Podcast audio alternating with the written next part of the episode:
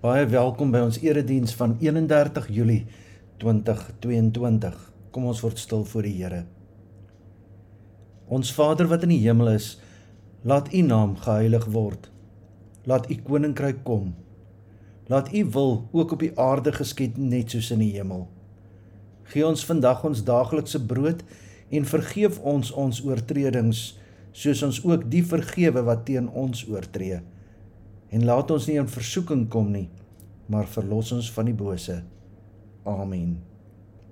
Ek groet julle in die naam van die Vader en die Seun en die Heilige Gees. Kom ons bid saam. O Here, dankie vir die voorreg om in U naam hier by mekaar te mag wees. Om U woord te mag oopmaak en daaruit te lees en te weet Here, dit is U wat met ons praat. O Here, ons weet dat U U woord gebruik deur die Heilige Gees om ons te verander, om ons te maak soos U ons beplan het om te wees. U die pottebakker, ons die klei. Help ons dan Here dat ons ons harte sal oopmaak en dat ons bereid sal wees om te groei en te verander, raak te sien waar ons nog so ver tekort skiet. Deur die Heilige Gees, Here, spreek met elkeen van ons. Amen. Ons lees saam uit 1 Johannes 2 van vers 28 af. En nou liewe kinders, julle moet in hom bly sodat ons almal niks te vrees sal hê wanneer hy kom nie en by sy wederkoms nie beskaamd voor hom sal staan nie. Aangesien julle weet dat hy regverdig is, weet julle ook dat elkeen wat regverdig lewe 'n kind van God is. Kyk watter groot liefde die Vader aan ons bewys het. Hy noem ons kinders van God en ons is dit ook. En die wêreld ken ons nie omdat dit hom nie ken nie. Geliefdes, ons is nou reeds kinders van God. Dit is nog nie geopenbaar wat ons sal wees nie, maar ons weet dat wanneer Jesus kom, ons soos hy sal wees. Ons sal hom sien soos hy werklik is. Elkeen wat hierdie verwagting in verband met hom koester, hou homself rein soos Jesus rein is. Elkeen wat sonde doen, oortree die wet van God. Sonde is immers oortreding van die wet van God. Julle weet dat Jesus gekom het om die sondes weg te neem en daar is geen sonde in hom nie. Iemand wat in hom bly, hou nie aan met sondig nie. Iemand wat aanhou sondig, het hom nie gesien nie en ken hom nie. Liewe kinders, moenie dat iemand julle mislei nie. Wie regverdig lewe, is regverdig soos hy regverdig is. Wie aanhou sonde doen, behoort aan die duiwel, want die duiwel hou van die begin af aan met sondig. En die seun van God het juis gekom om die werk van die duiwel tot nul te maak. Iemand wat 'n kind van God is, doen nie meer sonde nie, omdat die gees van God in hom bly. En hy kan nie meer sondig nie, omdat hy uit God gebore is. Hieraan is dit duidelik wie kinders van God en wie kinders van die duiwel is. Iemand wat nie regverdig lewe nie en nie sy broer liefhet nie, behoort nie aan God nie. Tot sover. Wie is ons? Weet julle ons identiteit word mos gevorm deur ons gevoel van behoort. Byvoorbeeld, ek is 'n blanke Afrikaanse Suid-Afrikaner en daarom is ek mal oor rugby en braaivleis en potjiekos en biltong en pannekoek en melktert en vetkoek en koeksusters, visvang en jag. En tog het ons ook ander verbintenisse wat ons van mekaar skei of nog nader aan mekaar verbind. Byvoorbeeld familiebande of ons werk of selfs ons stokperdjies. Maar omdat ons elke dag so verstrengel raak met soveel dinge wat ons besig hou, is dit nodig dat ons net ook weer herinner word aan die belangrikste aspek wat ons identiteit bepaal, ons geloof. Ons glo in Jesus Christus, Jesus se geboorte, sy kruis en sy leë graf en ons mag nooit hierdie deel van ons identiteit verloor of vergeet nie. Ons het herinnering en verankering nodig. Ons het dinge nodig wat ons help onthou wie ons is, waar ons vandaan kom en waarheen ons op pad is. Dit is nodig sodat ons op koers kan bly. Bly onthou van watter lewensverhaal ons deel is. 1 Johannes 3 vers 1 sê: "Kyk watter groot liefde die Vader aan ons bewys het. Hy noem ons kinders van God." en ons is dit ook. 1 Johannes vertel van die belangrike ankers in ons lewe. Hy herinner ons van watter verhaal ons deel is. Ons is deel van God se inisiatief om liefdevol na die wêreld uit te reik en mense in Christus deel te maak van God se familie. 1 Johannes 3 is soos 'n familiefoto waarin ons duidelik kan sien dat ons kinders van die lewende God is, ons almal.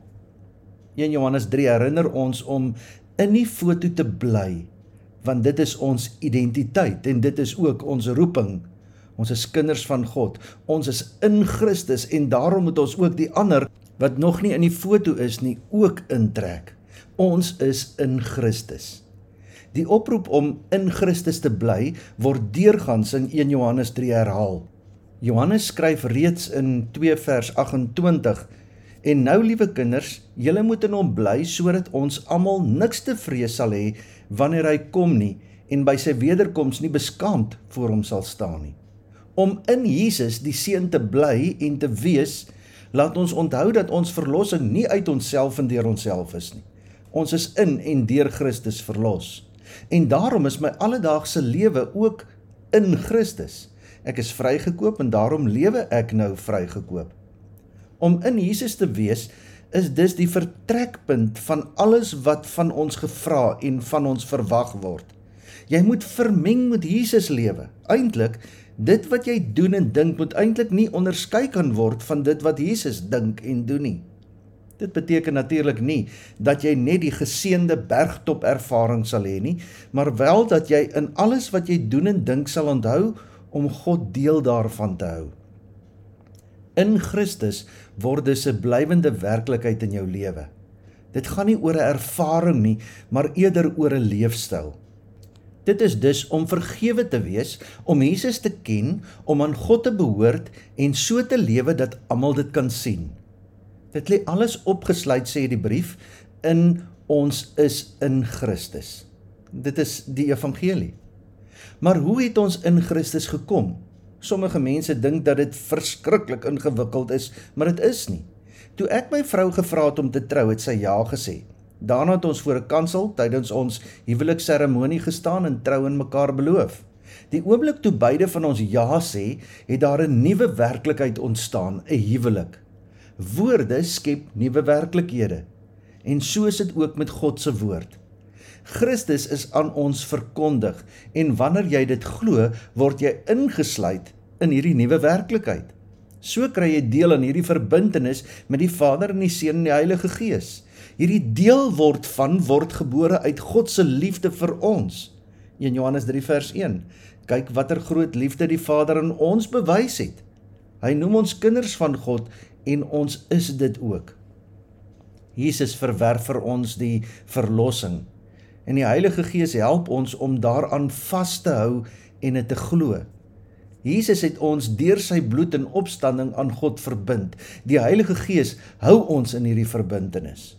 En omdat die Heilige Gees in ons woon, word ons daagliks meer en meer verander. Hoe lyk iemand wat in Jesus is? Dit is iemand wat sy sondes erken en bely, iemand wat bely dat Jesus die seun van God is en iemand wat gehoorsaam is aan die gebod om mekaar lief te hê. Wat is volgens Johannes sonde? Sonde is om nie God se liefde vir ander uit te leef nie. Sonde is om voor te gee dat God net sekere mense liefhet. Sonde is om nie liefde te wees nie. Die groot liefde wat God vir ons bewys het, is om ons sy kinders te noem. Sonde is om ander mense daarvan te probeer uitsluit. Ons sonde staan dus teenoor God se liefde. Jy's 'n kind van God en daarom moet jy jou liefdeloosheid bely. Ons sonde is ons gebrek aan liefde. Ons sonde is dat ons ander mense nie met dieselfde waarde ag as wat God hulle mee ag nie. Hoe bly ons in hom? Ons leef liefde.